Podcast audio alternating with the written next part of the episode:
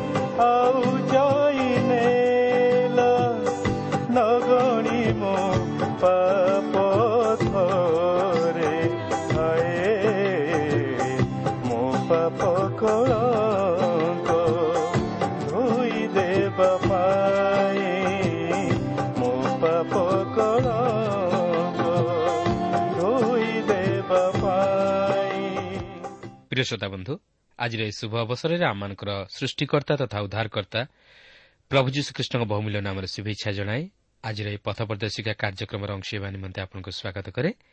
ଆପଣଙ୍କର ସହଯୋଗ ତଥା ମତାମତ ନିମନ୍ତେ ବିଶେଷ ଧନ୍ୟବାଦ। ଆପଣଙ୍କର ପ୍ରାର୍ଥନାର ଅନୁରୋଧ ରକ୍ଷା କରି ଆମେ ମଧ୍ୟ ଆପଣଙ୍କ ନିମନ୍ତେ ପ୍ରାର୍ଥନା କରୁଅଛୁ। ଆଉ ସେହି ପ୍ରଭୁ ଯୀଶୁ ନିଶ୍ଚିତ ଭାବରେ ଆପଣଙ୍କୁ ଆତ୍ମିକ ଜୀବନରେ ବର୍ଦ୍ଧିଷ୍ଣୁ କରାଇବେ। ଆସନ୍ତୁ ପ୍ରଭୁଙ୍କର ବାକ୍ୟ ମଧ୍ୟକୁ ଯିବା ପୂର୍ବରୁ ପବିତ୍ର ପ୍ରଭୁ ତୁମର ପବିତ୍ର ନାମର ଧନ୍ୟବାଦ କରୁଅଛୁ ତୁମର ଜୀବନ୍ତ ବାକ୍ୟ ପାଇଁ। ପ୍ରଭୁ ସେହି ବାକ୍ୟ ମଧ୍ୟ ଦେଇ ଆଜି ତୁମେ ଆମ ପ୍ରତ୍ୟେକଙ୍କୁ ଶାନ୍ତି ସାନ୍ତ୍ୱନା ଶକ୍ତି ଭରସା ପ୍ରଦାନ କର।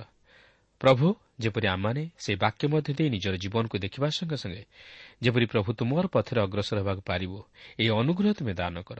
ପ୍ରତ୍ୟେକ ଶ୍ରୋତାବନ୍ଧୁମାନଙ୍କୁ ପ୍ରଭୁ ତୁମେ ଆଶୀର୍ବାଦ କର। ଯୀଶୁଙ୍କ ନାମରେ ମାଗୁଅଛୁ।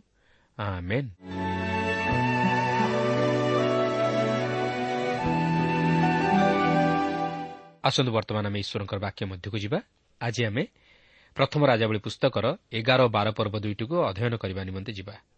ପ୍ରଥମେ ଆମେ ଏଗାର ପର୍ବରେ ସଲମନଙ୍କର ଦୁର୍ବଳତାର ବିଷୟକୁ ଲକ୍ଷ୍ୟ କରୁଅଛୁ। ସେ ଈଶ୍ୱରଙ୍କ ଆଜ୍ଞା ପାଳନ କରିବାରେ ବିଫଳ ହେଲେ। କିନ୍ତୁ ସେ ଯେଉଁ ପରିମାଣରେ ଈଶ୍ୱରଙ୍କ ଦାନର ଅଧିକାରୀ ହୋଇଥିଲେ ସେହି ପରିମାଣରେ ସେ ଈଶ୍ୱରଙ୍କ ସେବା ନିମନ୍ତେ ନିଜକୁ ଉଚ୍ଚର କରିପାରିଲେ ନାହିଁ। ସେ ଅନେକ କିଛି ସୁଯୋଗ ଓ ସୁବିଧା ପାଇଥିଲେ ମାତ୍ର ସେହି ସମସ୍ତ ସୁଯୋଗ ଓ ସୁବିଧାକୁ ସେ ଈଶ୍ୱରଙ୍କ ନିମନ୍ତେ ବ୍ୟବହାର କରିପାରିଲେ ନାହିଁ। ସେ ନିଜ ଦେଶ ମଧ୍ୟରୁ ସେହି ପ୍ରତିମା ପୂଜାକୁ ଦୂର କରିପାରିଲେ ନାହିଁ। ସେ ଅନେକ ସ୍ତ୍ରୀମାନଙ୍କୁ ଗ୍ରହଣ କଲେ ଯେଉଁମାନେ କି ତାହାଙ୍କୁ ବିପଦକାମୀ କରାଇଲେ ଓ ସେମାନଙ୍କ ଲାଗି ସେ ନିଜ ରାଜ୍ୟରେ ପ୍ରତିମା ପୂଜା ପ୍ରଚଳନ କରାଇଲେ। ଏହି କାରଣରୁ ଈଶ୍ୱର ଶତ୍ରୁମାନଙ୍କୁ ଉଠାଇଲେ ଯେଉଁମାନେ କି ସଲମନଙ୍କ ବିରୁଦ୍ଧରେ ଗଲେ ଓ ଜାରବିଆମ୍ ସଲମନଙ୍କ ରାଜ୍ୟ ବିରୁଦ୍ଧରେ ଉଠି ତାହା ବିଭକ୍ତ ଓ ଖଣ୍ଡବିଖଣ୍ଡ କରିଦେଲା। ଫଳରେ ରାଜ୍ୟ ଶତ୍ରୁ ହସ୍ତରେ ବିନଷ୍ଟ ହେଲା। ଇସ୍ରାଏଲ୍ର ରାଜ୍ୟ ବିଭକ୍ତ ହେବାରେ ସଲମନ ହେଉଛନ୍ତି ମୁଖ୍ୟତଃ ଦାୟୀ। କାରଣ ତାହାଙ୍କର ଅବାଧ୍ୟତାର ଜୀବନ ଲାଗି ଈଶ୍ୱରଙ୍କ କ୍ରୋଧ କେବଳ ତାହାଙ୍କ ପ୍ରତି ନୁହେଁ ମାତ୍ର ଏଥିସହିତ ତାହାଙ୍କ ରାଜ୍ୟ ପ୍ରତି ଓ ତାଙ୍କର ସନ୍ତାନ ସନ୍ତତିମାନଙ୍କ ପ୍ରତି ମଧ୍ୟ ବର୍ତ୍ତିଲା। ସଲମନଙ୍କ ଲାଗି ତାଙ୍କ ପୁତ୍ର ରିହବ୍ୟାମ୍ ଈଶ୍ୱରଙ୍କ ଦ୍ୱାରା ବିଚାରିତ ହେଲେ ଓ ତହିଁର ପ୍ରତିଫଳ ଭୋଗ କଲେ ଯାହାକି ଆମେ ପରେ ଦେଖିବାକୁ ପାରିବା। ଏଠାରେ ଅର୍ଥାତ୍ ଏହି ଏଗାର ପର୍ବରେ ବର୍ତ୍ତମାନ ଲକ୍ଷ୍ୟ କରିବାର ବିଷୟ ହେଉଛି ଯେ ସଲମନ ଈଶ୍ୱରଙ୍କୁ ପରିତ୍ୟାଗ କରିବା ଦ୍ୱାରା ଆଶୀର୍ବାଦରୁ ବଞ୍ଚିତ ହେଲେ ଓ ଈଶ୍ୱରଙ୍କ ବିଚାର ତାହାଙ୍କ ପ୍ରତି ବର୍ତ୍ତିଲା। ଦେଖନ୍ତୁ ଏଗାର ପର୍ବର ପ୍ରଥମ ପଦରେ ଏହିପରି ଲେଖା ଅଛି ସଲମନ ରାଜା ଫାରୋର କନ୍ୟା ଛଡ଼ା ମୟାବିୟ ଅମନୀୟ ଇଦୋମିୟ ସିଦୋନିୟ ଓ ହିତୀୟ ଅନେକ ବିଦେଶିଆ ସ୍ତ୍ରୀମାନଙ୍କୁ ପ୍ରେମ କଲେ। ଯେଉଁ ପର୍ଯ୍ୟନ୍ତ ସ୍ତ୍ରୀମାନଙ୍କ ବିଷୟ ନେଇ ଚିନ୍ତା କରାଯାଏ ସଲମନ ତାହାଙ୍କ ପିତା ଦାଉଦଙ୍କ ପରି କାର୍ଯ୍ୟ କଲେ। ସେ ଅନେକ ସ୍ତ୍ରୀମାନଙ୍କୁ ରଖିଲେ। ମାତ୍ର ସେ ଅନ୍ୟାନ୍ୟ କ୍ଷେତ୍ରରେ ଦାଉଦଙ୍କର ଜୀବନକୁ ଅନୁକରଣ କରିପାରିନଥିଲେ କିନ୍ତୁ ସେ ସ୍ତ୍ରୀମାନଙ୍କୁ ସଂଗ୍ରହ କରିଥିଲେ ଆଉ ସେମାନେ ମଧ୍ୟ ବିଭିନ୍ନ ଗୋଷ୍ଠୀ ତଥା ଜାତିରୁ ଆସିଥିଲେ। ତେଣୁକରି ସେମାନେ ସଲମନଙ୍କର ମନକୁ ବିପଦଗାମୀ କରାଇଲେ। ସେମାନେ ସଲମନଙ୍କର ମନକୁ ପ୍ରତିମା ପୂଜା ଆଡ଼କୁ ଟାଣିନେଲେ ଓ ସେହି ଦେଶରେ ପ୍ରତିମା ପୂଜା ପ୍ରଚଳନ କରାଇଲେ। ତେଣୁକରି ଏହିଠାରେ ସଲମନ ଈଶ୍ୱରଙ୍କର ପ୍ରଦତ୍ତ ବ୍ୟବସ୍ଥାକୁ ଲଙ୍ଘନ କଲେ। ଏହା ହିଁ ସାଧାରଣତଃ ଘଟେ। କାରଣ ମନୁଷ୍ୟ ଦୁର୍ବଳ। ଓ ବିଶେଷତଃ ସ୍ତ୍ରୀମାନଙ୍କର ଅନୁରୋଧକୁ ପୁରୁଷମାନେ ଏଡ଼ିଦେଇ ପାରନ୍ତି ନାହିଁ। ସଦାପ୍ରଭୁ ତାହା ଜାଣି ପୂର୍ବରୁ ଏହି ସମସ୍ତ ବିଧି ଅର୍ଥାତ୍ ସେହି ରାଜା ଅନେକ ସ୍ତ୍ରୀ ବିବାହ କରିବ ନାହିଁ ବୋଲି ବ୍ୟବସ୍ଥା ପ୍ରଦାନ କରିଥିଲେ। ମାତ୍ର ସଲମନ ତାହା ପାଳନ କରିପାରିନଥିଲେ ସେତିକି ନୁହେଁ ସେ ତାହାଙ୍କର ସ୍ତ୍ରୀମାନଙ୍କର କଥାରେ ପଡ଼ି ପ୍ରତିମା ପୂଜା ମଧ୍ୟ ପ୍ରଚଳନ କରାଇଲେ ଯଦ୍ୱାରା ସେ ସିଧାସଳଖ ଈଶ୍ୱରଙ୍କ ଆଜ୍ଞା ବିରୁଦ୍ଧରେ ଯାଇ ପାପ କଲେ। ଏଗାର ପର୍ବର ଦୁଇ ପଦରେ ଆମେ ଦେଖୁ ଯେ ପ୍ରକୃତିରେ ସଲମନ ଏଠାରେ ଯାହା କଲେ ତାହା ଠିକ୍ କରିନଥିଲେ। ସେ ଅନେକ ସ୍ତ୍ରୀଙ୍କ ସହିତ ସହବାସ କରି ନିଜର ଯୌନ ଲାଳସାକୁ ଚରିତାର୍ଥ କରିବା ପାଇଁ ଚାହିଁଥିଲେ। ସେ ଈଶ୍ୱରଙ୍କୁ ବାସ୍ତବରେ ପ୍ରେମ କରିପାରିଲେ ନାହିଁ। ଈଶ୍ୱର ମଧ୍ୟ ସେହିପରି ଜୀବନ ସଲମଙ୍କଠାରୁ ଆଶା କରିନଥିଲେ। ଆଜି ମଧ୍ୟ ଅନେକ ଏହିପରି ନିଜର ଯୌନ ଲାଳସାକୁ ଚରିତାର୍ଥ କରିବାକୁ ଯାଇ ବ୍ୟବିଚାର କରନ୍ତି। ଅନେକ ସ୍ତ୍ରୀମାନଙ୍କ ସହିତ ଅସଙ୍ଗତ ଆଚରଣ କରନ୍ତି। ନିଜର ସ୍ତ୍ରୀ ଥାଉଁ ଥାଉଁ ଅନ୍ୟ ସ୍ତ୍ରୀମାନଙ୍କ ସହିତ ଗୁପ୍ତ ସମ୍ପର୍କ ରଖନ୍ତି। କିନ୍ତୁ ପ୍ରିୟ ବନ୍ଧୁ ଈଶ୍ୱର ବହୁ ବିବାହକୁ ପସନ୍ଦ କରନ୍ତି ନାହିଁ କି ସେ ସଲମନକୁ ମଧ୍ୟ ସେପରି ନ କରିବା ନିମନ୍ତେ ଆଜ୍ଞା ଦେଇଥିଲେ। କାରଣ ଏହାର ଫଳ କ'ଣ ହୁଏ ତାହା ପ୍ରଭୁ ଜାଣିଥିଲେ ଓ ସେ ଯାହା ସନ୍ଦେହ କରୁଥିଲେ ତାହା ହିଁ ହେଲା। ସେମାନେ ସଲମନଙ୍କ ମନକୁ ଈଶ୍ୱରଙ୍କଠାରୁ ବିମୁଖ କରାଇଲେ। ଏଗାର ପର୍ବର ତିନି ପଦରୁ ଆଠ ପଦ ମଧ୍ୟରେ ଆମେ ଲକ୍ଷ୍ୟ କରିବାକୁ ପାରୁ ସଲମନଙ୍କର କାର୍ଯ୍ୟକଳାପ। ସେ ନିଜର ସ୍ତ୍ରୀମାନଙ୍କ କଥା ଅନୁଯାୟୀ କାର୍ଯ୍ୟ କଲେ ମାତ୍ର ଈଶ୍ୱରଙ୍କ ଆଜ୍ଞା ଅନୁଯାୟୀ କାର୍ଯ୍ୟ କରିପାରିଲେ ନାହିଁ। ସେ ସ୍ତ୍ରୀମାନଙ୍କୁ ଗ୍ରହଣ କଲେ ଓ ସେମାନଙ୍କ କଥା ଅନୁଯାୟୀ ପ୍ରତିମା ପୂଜା ପ୍ରଚଳନ କରାଇଲେ। ଦେଖନ୍ତୁ ସଦାପ୍ରଭୁଙ୍କର ପ୍ରତିକ୍ରିୟା। ଏଗାର ପର୍ବର ନଅରୁ ତେର ପଦ ମଧ୍ୟରେ ଆପଣ ସଲମନଙ୍କ ଅବାଧ୍ୟତାର ପ୍ରତିଫଳ ଲକ୍ଷ୍ୟ କରିବାକୁ ପାରୁଥିବେ। କାରଣ ଈଶ୍ୱର କାହାର ମୁଖାପେକ୍ଷା କରନ୍ତି ନାହିଁ ସେ ପ୍ରତ୍ୟେକଙ୍କର ବିଚାର କରନ୍ତି। ଏଠାରେ ଈଶ୍ୱର ସଲମନଙ୍କ ଉପରେ କ୍ରୋଧ କଲେ। ଯେହେତୁ ସେ ଅନେକ ସ୍ତ୍ରୀ ରଖିଥିଲେ। ଈଶ୍ୱର ବହୁ ବିବାହ ପସନ୍ଦ କରନ୍ତି ନାହିଁ। କାରଣ ଏହା ମନୁଷ୍ୟର ଦୁର୍ବଳତା ଓ ଏଥି ନିମନ୍ତେ ମନୁଷ୍ୟ ମଧ୍ୟ ସମସ୍ୟା ତଥା ଘୋର ବିପଦର ସମ୍ମୁଖୀନ ହୁଏ। ସେ ନିଜର ମାନସିକ ଶାନ୍ତି ହରାଏ ଅଭାବର ସମ୍ମୁଖୀନ ହୁଏ ଈଶ୍ୱରଙ୍କ ପାଇଁ ସମୟ ମଧ୍ୟ ଦେଇପାରେ ନା ଓ ଈଶ୍ୱରଙ୍କଠାରୁ ଦୂରବର୍ତ୍ତୀ ଜୀବନଯାପନ କରେ।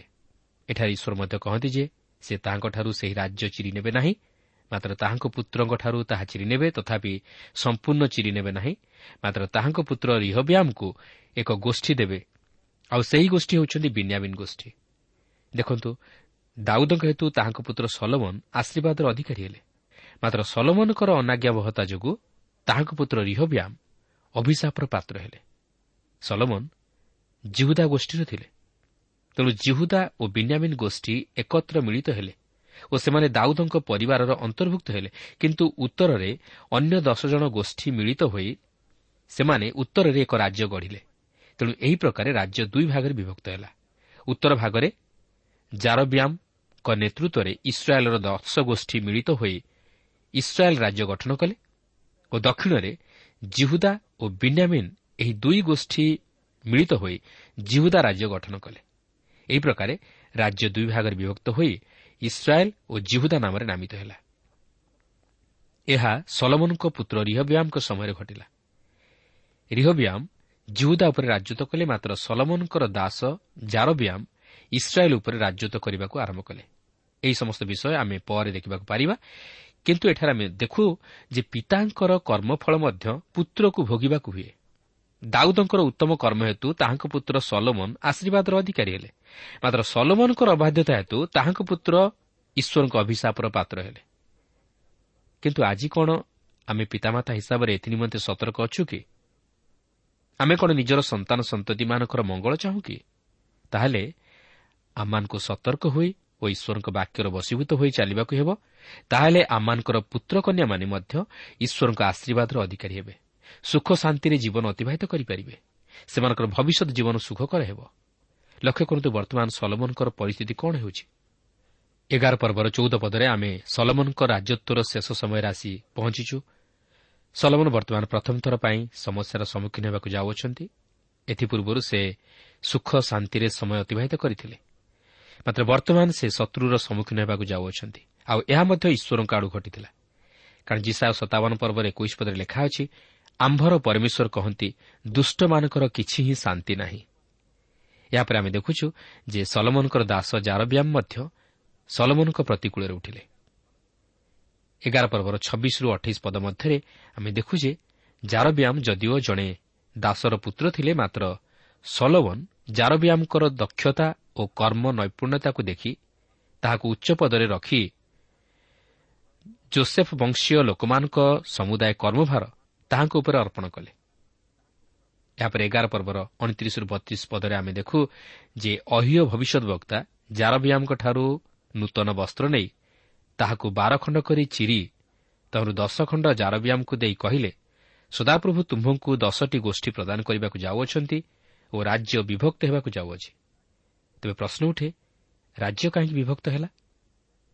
ଏଗାର ପର୍ବର ତେତିଶ ପଦରେ ଆମେ ଦେଖୁ ଯେ ମାଓବାଦୀ ଏଠାରେ ତାହାଙ୍କ ସମ୍ବାଦ ମଧ୍ୟରେ ଆହୁରି କହନ୍ତି ଦାଉଦଙ୍କ ସକାଶୁ ସଦାପ୍ରଭୁ ସେହି ରାଜ୍ୟ ତାହାଙ୍କ ପୁତ୍ର ସଲମନଙ୍କଠାରୁ ଚିରି ନେବେ ନାହିଁ। ମାତ୍ର ସଲମନଙ୍କ ପୁତ୍ର ରିହବ୍ୟାମଙ୍କଠାରୁ ତାହା ଚିରି ନେଇ ସଲମନଙ୍କର ଦାସ ଜାରବ୍ୟାମଙ୍କୁ ତହିଁରୁ ଦଶ ଗୋଷ୍ଠୀ ଦେବେ। ତେଣୁକରି ଜାରବ୍ୟାମ ମାଓବାଦୀଙ୍କ ମୁଖରୁ ସେହି ବାକ୍ୟ ଶୁଣିବା ପରେ ନିଜର ଜୀବନ ବଞ୍ଚାଇବା ନିମନ୍ତେ ସେଠାରୁ ବାହାରି ପଳାଇଯିବା ନିମନ୍ତେ ବାଧ୍ୟ ହେଲେ। ଏଗାର ପର୍ବର ଚଉତିରିଶ ଅଣଚାଳିଶ ପଦରେ ଆମେ ଦେଖୁ ଯେ ଯଦି ବି ସଦାପ୍ରଭୁ ସେହି ପ୍ରତିଫଳ ଦାଉଦଙ୍କ ବଂଶ ପ୍ରତି ବର୍ତ୍ତାଇଥିଲେ ଓ ଦାଉଦ ବଂଶକୁ କ୍ଲେଶ ଦେଇଥିଲେ ମାତ୍ର ସଦାକାଳ ନିମନ୍ତେ ନୁହେଁ। କାରଣ ସେ ଦାଉଦଙ୍କ ପ୍ରତି ଯେଉଁ ପ୍ରତିଜ୍ଞା କରିଥିଲେ ସେହି ପ୍ରତିଜ୍ଞାକୁ ରକ୍ଷା କରିବା ନିମନ୍ତେ ସେ ସଦାକାଳ ନିମନ୍ତେ କ୍ଲେଶ ଦେଇନଥିଲେ। କାରଣ ସେ ପ୍ରତିଜ୍ଞାରେ ବିଶ୍ୱସ୍ତ ପରମେଶ୍ୱର। ମାତ୍ର ଆମମାନେ ଅବିଶ୍ୱସ୍ତ ହେବା ଦ୍ୱାରା ନିଜର ଜୀବନ ପ୍ରତି କ୍ଲେଶ ଘଟାଇଥାଉ। ମାତ୍ର ସେ ଯଦିଓ ତାହାଙ୍କର ଲୋକମାନଙ୍କୁ ଶାସନ କରିଥାନ୍ତି କିନ୍ତୁ ସେ ସେମାନଙ୍କୁ ବିନଷ୍ଟ ହେବାକୁ ଦିଅନ୍ତି ନାହିଁ। ବର୍ତ୍ତମାନ ଆମେ ଜାରବ୍ୟାମଙ୍କ ପ୍ରତି ଟିକେ ଦୃଷ୍ଟି ଦେବା। ଏଗାର ପର୍ବର ଚାଳିଶ ପଦରେ ଆମେ ସଲମନଙ୍କ ଜୀବନରେ ଆଉ ଏକ ଦୁର୍ବଳତା ଲକ୍ଷ୍ୟ କରିବାକୁ ପାରୁଛୁ ଯେ ସେ ପ୍ରତିହିଂସାର ମନୋଭାବ ପୋଷଣ କଲେ ଓ ଜାରବ୍ୟାମକୁ ବଦ୍ଧ କରିବା ନିମନ୍ତେ ଚେଷ୍ଟା କଲେ। ମାତ୍ର ଜାରବ୍ୟାମ ତାହାଙ୍କଠାରୁ ଖସି ପଳାଇଯିବା ଦ୍ୱାରା ରକ୍ଷା ପାଇଲେ। ଜାରବ୍ୟାମ ମିଶ୍ରୀୟ ରାଜା ଶିଶକ ନିକଟକୁ ପଳାଇଯାଇ ସଲମନଙ୍କର ମରଣ ପର୍ଯ୍ୟନ୍ତ ସେହିଠାରେ ରହିଲେ। ଏହାପରେ ଏଗାର ପର୍ବର ଏକଚାଳିଶରୁ ତେୟାଳିଶ ପଦରେ ଆମେ ସଲମନଙ୍କର ମୃତ୍ୟୁ ବିଷୟ ନେଇ ଲକ୍ଷ୍ୟ କରିବାକୁ ପାରୁ। ତେବେ ଆମେ ସଲମନଙ୍କର କାର୍ଯ୍ୟକଳାପ ଓ ତାହାଙ୍କର ଜ୍ଞାନ ସମ୍ପର୍କରେ ପ୍ରଥମ ଏବଂ ଦ୍ୱିତୀୟ ବଂଶାବଳୀ ପୁସ୍ତକରେ ବିଶଦ ଭାବେ ଆଲୋଚନା କରିବାକୁ ଯିବା। ତେବେ ସଲମନ ଜଗତର ଜ୍ଞାନ ଓ ଧନରେ ଅତି ପରିପୂର୍ଣ୍ଣ ଥିଲେ। ତାହାଙ୍କ ରାଜତ୍ୱର ସମୟ ସୁଖ ଓ ସମୃଦ୍ଧି ତଥା ପ୍ରାଚୁର୍ଯ୍ୟତାର ଶୀର୍ଷ ସୀମାରେ ପହଞ୍ଚିଥିଲା। ନୂତନ ନିୟମରେ ପ୍ରଭୁ ଯୀଶୁ ମଧ୍ୟ ସଲମନଙ୍କର ମହିମା ସମ୍ପର୍କରେ ପ୍ରକାଶ କରନ୍ତି। ତାଙ୍କ ରାଜ୍ୟରେ ପ୍ରକୃତରେ ଜାଗତିକ ଗୌରବ ଓ ସମ୍ଭ୍ରମ ଭରି ରହିଥିଲା। ମାତ୍ର ଏହା ଈଶ୍ୱରଙ୍କ ଗୌରବ ତଥା ମହିମାକୁ ରକ୍ଷା କରିପାରିନଥିଲା। ସଲମନ ସବୁକିଛି ପ୍ରାପ୍ତ ହୋଇଥିଲେ। ସେ ସବୁକିଛି ଉପଲବ୍ଧି କରିଥିଲେ। ମାତ୍ର ସେ ଶେଷରେ ଜାଣିବାକୁ ପାରିଥିଲେ ଯେ ସବୁକିଛି ଅସାର। ମାତ୍ର ସାର ବିଷୟ କ'ଣ ତାହା ସେ ଉପଦେଶକ ବାର ପର୍ବର ତେର ଓ ଚଉଦ ପଦରେ ଏହିପରି ପ୍ରକାଶ କରନ୍ତି। ସାର କଥା ଏହି ସବୁ ଶୁଣାଯାଇଅଛି ପରମେଶ୍ୱରଙ୍କୁ ଭୟ କର ଓ ତାହାଙ୍କର ଆଜ୍ଞା ସବୁ ପାଳନ କର। କାରଣ ଏହା ହିଁ ମନୁଷ୍ୟର ପୂର୍ଣ୍ଣ କର୍ତ୍ତବ୍ୟ କର୍ମ। ଯେହେତୁ ପରମେଶ୍ୱର ପ୍ରତ୍ୟେକ କର୍ମ ପୁଣି ଭଲ କି ମନ୍ଦ ପ୍ରତ୍ୟେକ ଗୁପ୍ତ ବିଷୟ ବିଚାରରେ ଆଣିବେ। ତେବେ ଆଜି ଆମମାନଙ୍କର ସାର ବିଷୟ କ'ଣ? ଆଜି ଆମେ କାହାକୁ ଆମ ଜୀବନରେ ମୁଖ୍ୟ ସ୍ଥାନ ଦେଇଛୁ? କିନ୍ତୁ ପବିତ୍ର ବାଇବଲ କହେ ମନୁଷ୍ୟ ଯେବେ ସମଗ୍ର ଜଗତ ଲାଭ କରି ଆପଣାର ଜୀବନ ହରାଏ ତେବେ ତାହାର କି ଲାଭ ହେବ? ଆଜି ଯଦି ଆମେ ଏହି ଜଗତର ସବୁକିଛି ବିଷୟର ଅଧିକାରୀ ହୋଇ ନିଜର ଜୀବନକୁ ହରାଉ ତାହେଲେ ତହିଁରେ କି ଲାଭ ହେବ? ଆଜି ଯଦି ଆମେ ନିଜର ସୃଷ୍ଟିକର୍ତ୍ତାଙ୍କୁ ନ ଚିହ୍ନୁ ଓ ତାହାଙ୍କର ସନ୍ତାନ ରୂପେ ଗୃହୀତ ନ ହେଉ ତାହେଲେ ଏହି ଜଗତରେ ବଞ୍ଚି ରହିବା ଆମମାନଙ୍କ ପକ୍ଷରୁ ବୃଥା। ପ୍ରଭୁ କରନ୍ତୁ ଯେପରି ଆମେ ନିଜର ଜୀବନକୁ ବିନାଶରୁ ରକ୍ଷା କରି ସେହି ଅନନ୍ତ ଜୀବନର ପଥରେ ଅଗ୍ରସର ହେଉ ତାହେଲେ ଆମେ ପ୍ରଭୁ ଯୀଶୁଖ୍ରୀଷ୍ଟଙ୍କର ଏହି ଜଗତକୁ ଆଗମନ କରିବାର ବାସ୍ତବ ଅଭିପ୍ରାୟକୁ ସଫଳ କରିପାରିବା। ବର୍ତ୍ତମାନ ଆମେ ଏହି ପ୍ରଥମ ରାଜାବଳୀ ବାର ପର୍ବ ମଧ୍ୟକୁ ଯିବା। ଏହି ବାର ପର୍ବରେ ଆମେ ତାହା ହିଁ ଲକ୍ଷ୍ୟ କରିବାକୁ ଯିବା। ଏଠାରେ ସଲମନଙ୍କ ପୁତ୍ର ରିହବ୍ୟାମ୍ ରାଜାପଦର ଅଧିକାରୀ ହେବାର ଆମେ ଲକ୍ଷ୍ୟ କରିବାକୁ ପାରିବା। କିନ୍ତୁ ଅପରପକ୍ଷରେ ସଲମନଙ୍କ ଦାସ ଜାରବ୍ୟାମ୍ ମିଶ୍ର ଦେଶରୁ ଫେରି ଇସ୍ରାଏଲ୍ର ଦଶଟି ଗୋଷ୍ଠୀକୁ ନେଇ କର ଭାରରୁ ମୁକ୍ତ ହେବା ନିମନ୍ତେ ରାଜା ରିହବ୍ୟାମ୍ଙ୍କ ନିକଟରେ ଦାବି କରିବାକୁ ଲାଗିଲେ। କିନ୍ତୁ ରିହବ୍ୟାମ୍ ନିଜ ପିତାଙ୍କର ପ୍ରାଚୀନ ଉପଦେଷ୍ଟାମାନଙ୍କ ପରାମର୍ଶ ଅନୁଯାୟୀ କାର୍ଯ୍ୟ ନ କରି କେତେକ ଯୁବକ ଉପଦେଷ୍ଟାମାନଙ୍କର ପରାମର୍ଶ ଅନୁଯାୟୀ କାର୍ଯ୍ୟ କରି ସେମାନଙ୍କୁ କରଭାରରେ ଆହୁରି ଅଧିକ ଭାରଗ୍ରସ୍ତ କରାଇବା ନିମନ୍ତେ ଧମକ ଦେଲେ। ତେଣୁକରି ଜାରବିଆ ମଧ୍ୟ ଇସ୍ରାଏଲ୍ର ଦଶଟି ଗୋଷ୍ଠୀକୁ ନେଇ ରିହବିଆମ୍ଙ୍କ ବିରୁଦ୍ଧରେ ବିଦ୍ରୋହ କରିବାକୁ ଉଠିଲେ। ଆସନ୍ତୁ ବର୍ତ୍ତମାନ ଆମେ ରିହବିଆମ୍ଙ୍କର କାର୍ଯ୍ୟକଳାପ ପ୍ରତି ଟିକେ ଦୃଷ୍ଟି ଦେବା। ଦେଖନ୍ତୁ ପ୍ରଥମ ରାଜାବଳୀ ବାର ପର୍ବର ପ୍ରଥମ ପାଞ୍ଚ ପଦ ମଧ୍ୟରେ ଏହିପରି ଲେଖା ଅଛି ଯେ ସଲମନଙ୍କ ମୃତ୍ୟୁ ପରେ ତାହାଙ୍କ ପୁତ୍ର ରିହବ୍ୟାମ୍ ସିଂହାସନର ଅଧିକାରୀ ହେବାକୁ ଯାଉଅଛନ୍ତି। ଆପଣ ଜାଣିଥିବେ ଯେ ସଲମନ ଯେଉଁ ମନ୍ଦିର ଓ ପ୍ରାସାଦ ନିର୍ମାଣ କରିଥିଲେ ଏହା ଅତି ବ୍ୟୟବହୁଳ ଓ ସମୟ ସାପେକ୍ଷ ଥିଲା। ଏଥିନିମନ୍ତେ ଅନେକ ଅର୍ଥବଳ ଓ ଶାରୀରିକ ବଳ ବ୍ୟୟ କରାଯାଇଥିଲା। ତେଣୁକରି ଇସ୍ରାଏଲୀୟମାନେ କରଭାରରେ ଭାରାକ୍ରାନ୍ତ ଥିଲେ। କାରଣ ରାଜା ସେହି ଲୋକମାନଙ୍କଠାରୁ ସେହି ସମସ୍ତ କର ଆଦାୟ କରୁଥିଲେ। ତେଣୁକରି ସଲମନଙ୍କର ମୃତ୍ୟୁ ପରେ ଲୋକମାନେ ସେମାନଙ୍କର ଅତ୍ୟଧିକ କରଭାରରୁ କିଛି ପରିମାଣରେ ମୁକ୍ତ ହେବାକୁ ଚାହିଁଲେ। କିନ୍ତୁ ତାହା ସମ୍ଭବ ହୋଇନଥିଲା ରିହବିଆମ୍ ଆହୁରି ଅଧିକ ସେମାନଙ୍କୁ କରଭାରରେ ଭାରଗ୍ରସ୍ତ କରାଇବାକୁ ଚାହିଁଲେ ସେ ସେମାନଙ୍କୁ କରଭାରରୁ କିଛି ପରିମାଣରେ ମୁକ୍ତ କରିବା ନିମନ୍ତେ ସୁଯୋଗ ମଧ୍ୟ ପାଇଥିଲେ ଯଦି ସେ ସେମାନଙ୍କ ଅନୁରୋଧ ରକ୍ଷା କରି କିଛି ପରିମାଣରେ ମୁକ୍ତ କରିଥାନ୍ତେ ତାହେଲେ ସେ ନିଶ୍ଚୟ ଲୋକପ୍ରିୟତା ହାସଲ କରିଥାନ୍ତେ। କିନ୍ତୁ ସେ ତାହା କରିନଥିଲେ ଦେଖନ୍ତୁ ସେହି ବିଷୟ ନେଇ ସେ ବର୍ତ୍ତମାନ କେଉଁପରି ପଦକ୍ଷେପ ନେବାକୁ ଯାଉଅଛନ୍ତି। ବାରପର୍ବର ଛଅ ସାତ ପଦ ମଧ୍ୟରେ ଆମେ ଦେଖୁ ଯେ ସଲମନଙ୍କର ପୁତ୍ର ରିହବ୍ୟାମ୍ ପ୍ରଥମେ ଆପଣା ପିତାଙ୍କର ପ୍ରାଚୀନମାନଙ୍କ ନିକଟକୁ ଯାଇ ଏହି ବିଷୟ ନେଇ ସେମାନଙ୍କର ପରାମର୍ଶ ଲୋଡ଼ୁଅଛନ୍ତି। ସେହି ପ୍ରାଚୀନମାନଙ୍କର ପରାମର୍ଶ ମଧ୍ୟ ଅତି ସୁନ୍ଦର ଥିଲା କିନ୍ତୁ ରିହବ୍ୟାମ୍ ତାହା ଗ୍ରହଣ କରିପାରିଲେ ନାହିଁ। ସେ ସେହି ପ୍ରାଚୀନମାନଙ୍କର ପରାମର୍ଶ ଅନୁଯାୟୀ କାର୍ଯ୍ୟ କଲେ ନାହିଁ। ବାର ପର୍ବର ଆଠ ପଦରୁ ଏଗାର ପଦ ମଧ୍ୟରେ ଆମେ ଦେଖୁ ଯେ ରିହବ୍ୟାମ୍ ସେହି ପ୍ରାଚୀନମାନଙ୍କର ପରାମର୍ଶ ଗ୍ରହଣ ନ କରି ତାହାଙ୍କ ସହିତରେ ଥିବା ଯୁବାମାନଙ୍କର ମନ୍ତ୍ରଣା ଗ୍ରହଣ କରୁଅଛନ୍ତି। କିନ୍ତୁ ସେହି ଯୁବାମାନଙ୍କର ମନ୍ତ୍ରଣା ମୂର୍ଖତାର ମନ୍ତ୍ରଣା ଥିଲା। ଏହି ମନ୍ତ୍ରଣା ରିହବ୍ୟାମ୍ଙ୍କ ନିମନ୍ତେ ହିତଜନକ ନ ଥିଲା ମାତ୍ର ଅହିତକର ଥିଲା। ବାସ୍ତବରେ ତାହା ହିଁ ଘଟେ। ଯେଉଁମାନେ ପ୍ରାଚୀନମାନଙ୍କର ପରାମର୍ଶ ଗ୍ରହଣ ନ କରି ଯୁବାମାନଙ୍କର ପରାମର୍ଶ ଗ୍ରହଣ କରନ୍ତି ସେମାନେ ବିପଦର ସମ୍ମୁଖୀନ ହୁଅନ୍ତି। ରିହବ୍ୟାମ୍ ଯୁବାମାନଙ୍କର ମନ୍ତ୍ରଣା ଅନୁଯାୟୀ କାର୍ଯ୍ୟ କରିବା ଦ୍ୱାରା ସମସ୍ୟାର ସମ୍ମୁଖୀନ ହେଲେ। ପ୍ରିୟ ବନ୍ଧୁ କେବେ ହେଲେ ପ୍ରାଚୀନମାନଙ୍କର ଉପଦେଶକୁ ଅଗ୍ରାହ୍ୟ କରନ୍ତୁ ନାହିଁ। କାରଣ ସେମାନଙ୍କର ଚିନ୍ତାଧାରା ଓ କାର୍ଯ୍ୟକଳାପ ଯୁବକମାନଙ୍କଠାରୁ ଭିନ୍ନ। ଦେଖନ୍ତୁ ରିହବ୍ୟାମ୍ କିପରି ଯୁବାମାନଙ୍କର ମନ୍ତ୍ରଣା ଅନୁଯାୟୀ କାର୍ଯ୍ୟ କରିବା ପାଇଁ ଯାଉଅଛନ୍ତି। ବାର ପର୍ବର ବାର ପଦରୁ ପନ୍ଦର ପଦ ମଧ୍ୟରେ ଆମେ ଦେଖୁ ଯେ ପ୍ରକୃତରେ ରିହବ୍ୟାମ୍ ସେହି ଯୁବାମାନଙ୍କର ମନ୍ତ୍ରଣା ଅନୁଯାୟୀ କାର୍ଯ୍ୟ କଲେ କିନ୍ତୁ ପ୍ରାଚୀନମାନଙ୍କର ମନ୍ତ୍ରଣା ଅନୁଯାୟୀ କାର୍ଯ୍ୟ କଲେ ନାହିଁ। ସେ ସେମାନଙ୍କୁ ଆହୁରି ଅଧିକ କରଭାରରେ ଭାରଗ୍ରସ୍ତ କରିବା ପାଇଁ ଧମକ ଦେଲେ। କିନ୍ତୁ ସେମାନଙ୍କର ବିନତିକୁ ଅଗ୍ରାହ୍ୟ କଲେ। କିନ୍ତୁ ଏହି ସମସ୍ତ ସଦାପ୍ରଭୁଙ୍କ ଆଡ଼ୁ ଘଟିଲା। କାରଣ ସଦାପ୍ରଭୁ ସିଲୋନୀୟ ଅହିୟ ଦ୍ୱାରା ନବାଟର ପୁତ୍ର ଜାରବିୟାମଙ୍କୁ ଯାହା କହିଥିଲେ ଆପଣାର ସେହି କଥା ସଫଳ କରିବା ନିମନ୍ତେ ଏହିପରି ଘଟାଇଲେ। କାରଣ ଈଶ୍ୱରଙ୍କର ବାକ୍ୟ କେବେ ହେଲେ ବିଫଳ ହୁଏ ନା ସେ ଯାହା କହିଥାନ୍ତି ତାହା ମଧ୍ୟ ସାଧନ କରିଥାନ୍ତି।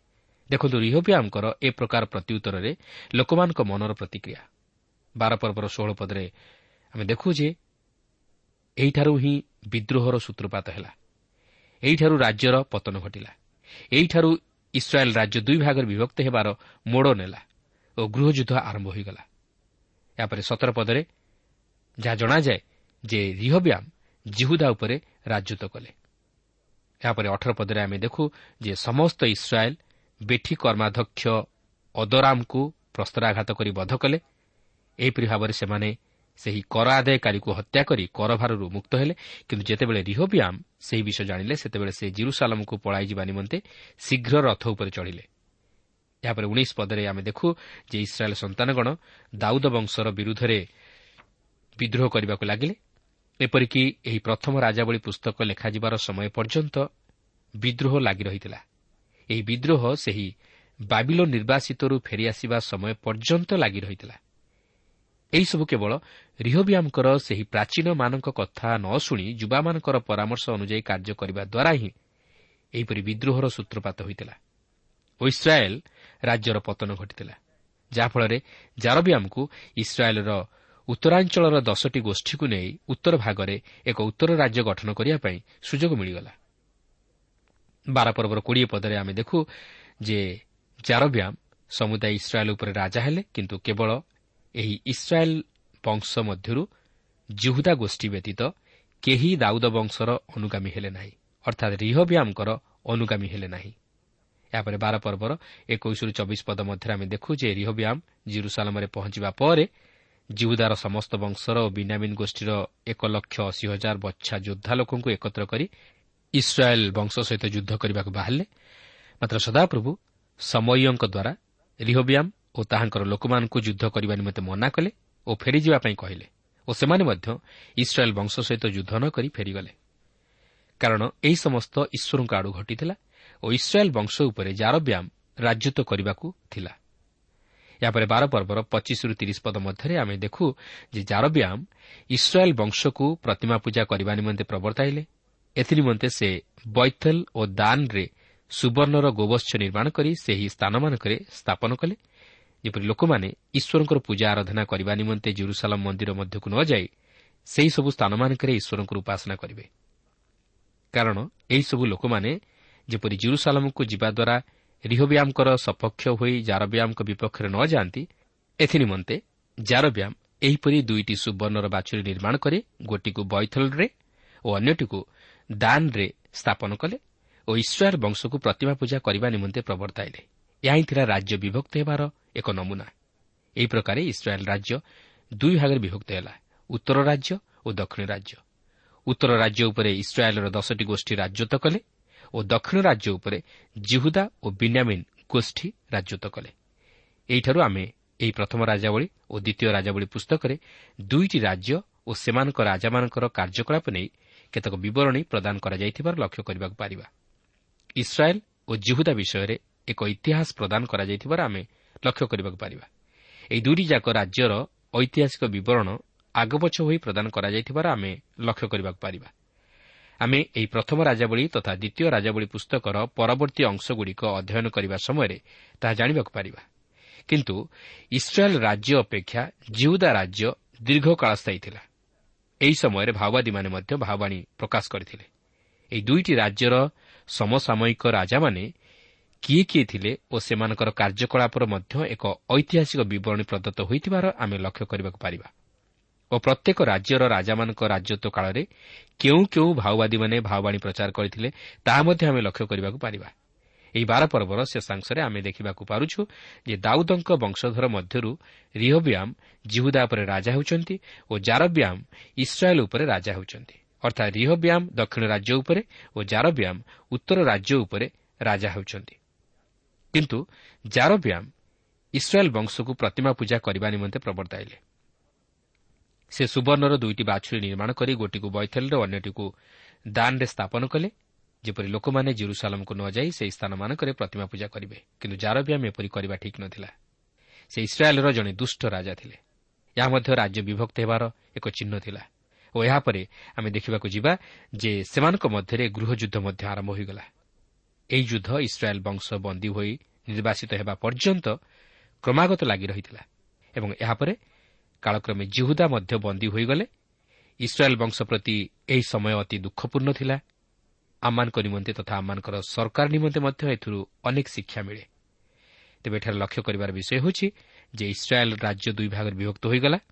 ଜାରବ୍ୟାମ୍ ଇସ୍ରାଏଲ୍ର ଦଶ ଗୋଷ୍ଠୀଙ୍କୁ ନେଇ ଇସ୍ରାଏଲ୍ର ଉତ୍ତର ରାଜ୍ୟ ଗଠନ କଲେ ଓ ସେ ଇସ୍ରାଏଲ୍ ଉପରେ ରାଜା ହେଲେ। ମାତ୍ର ରିହବ୍ୟାମ୍ ଜିହୁଦା ଉପରେ ରାଜା ହେଲେ। କିନ୍ତୁ ତାହାଙ୍କ ପିତା ସଲମନଙ୍କ ପରି ତାହାଙ୍କର ସେହିପରି ଜ୍ଞାନ ନଥିଲା କି ଦକ୍ଷତା ନଥିଲା। ରାଜ୍ୟର ପତନ ଯଦି ଘଟିଥାଏ ତାହେଲେ ତାଙ୍କର ଅଯୋଗ୍ୟତା ତଥା ଅପାରଗତା ହେତୁ ଓ ସେ ସେଥିନିମନ୍ତେ ଦାୟୀ ଘଟଣାକ୍ରମେ ଉତ୍ତର ରାଜ୍ୟ ଅର୍ଥାତ୍ ଇସ୍ରାଏଲ୍ ରାଜ୍ୟ ଏସିରିୟମାନଙ୍କର ହସ୍ତଗତ ହେଲା ଓ ସେମାନେ ସେମାନଙ୍କ ଦ୍ୱାରା ବନ୍ଦୀ ହୋଇ ନିର୍ବାସିତ ହେଲେ। ଏଥିସହିତ ଦକ୍ଷିଣ ରାଜ୍ୟ ଅର୍ଥାତ୍ ଜିହୁଦା ମଧ୍ୟ ବାବିଲନ୍କୁ ନିର୍ବାସିତ ହେଲେ। ଯଦି ଆମେ ବାସ୍ତବରେ ଇସ୍ରାଏଲ୍ର ଇତିହାସକୁ ଲକ୍ଷ୍ୟ କରିବା ତାହେଲେ ଆମେ ଜାଣିପାରିବା ଯେ ଏହି ଦୁଇଟିଯାକ ରାଜ୍ୟ ଅର୍ଥାତ୍ ଇସ୍ରାଏଲ୍ ଓ ଜିହୁଦା ଈଶ୍ୱରଙ୍କ ବିରୁଦ୍ଧାଚରଣ କାର୍ଯ୍ୟ କରି ପାପରେ ପତିତ ହେଲେ ଓ ଫଳରେ ସେମାନେ ଶତ୍ରୁ ହସ୍ତରେ ସମର୍ପିତ ହେଲେ ଓ ବନ୍ଦୀ ହୋଇ ଅନ୍ୟ ଦେଶକୁ ନିର୍ବାସିତ ହେଲେ।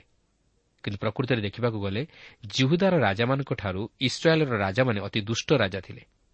ଜିହୁଦାର କୋଡ଼ିଏ ଜଣ ରାଜାଙ୍କ ମଧ୍ୟରୁ ପ୍ରାୟ ଆଠ ଜଣ ଉତ୍ତମ ରାଜା ଥିଲେ କିନ୍ତୁ ଇସ୍ରାଏଲ୍ ମଧ୍ୟରେ ଜଣେ ହେଲେ ଉତ୍ତମ ରାଜା ନ ଥିଲେ କିନ୍ତୁ ସେ ଯାହୁନା କାହିଁକି ଅଳ୍ପରେ ହେଉ ବା ବହୁତରେ ହେଉ ଉଭୟ ରାଜ୍ୟର ରାଜାମାନଙ୍କ ମଧ୍ୟରେ କିଛି ନା କିଛି ଦୁର୍ବଳତା ଥିଲା।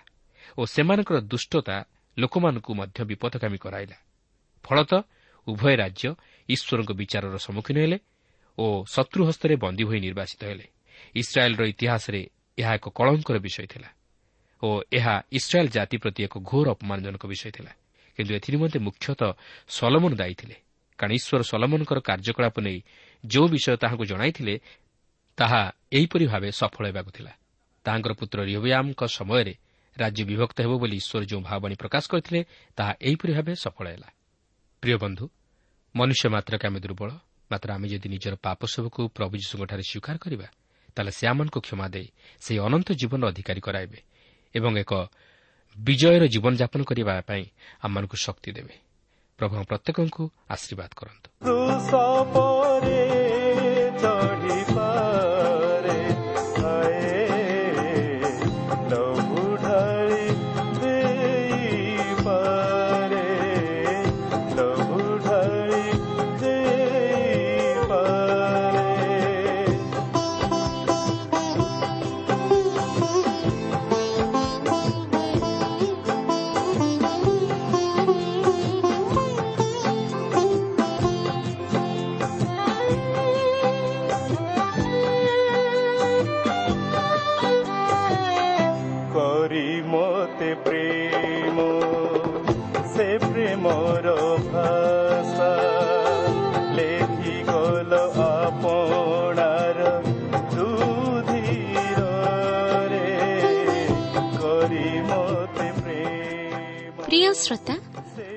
କାର୍ଯ୍ୟକ୍ରମ ନିୟମିତ ଶୁଣୁଥିବାରୁ ଅଶେଷ ଧନ୍ୟବାଦ।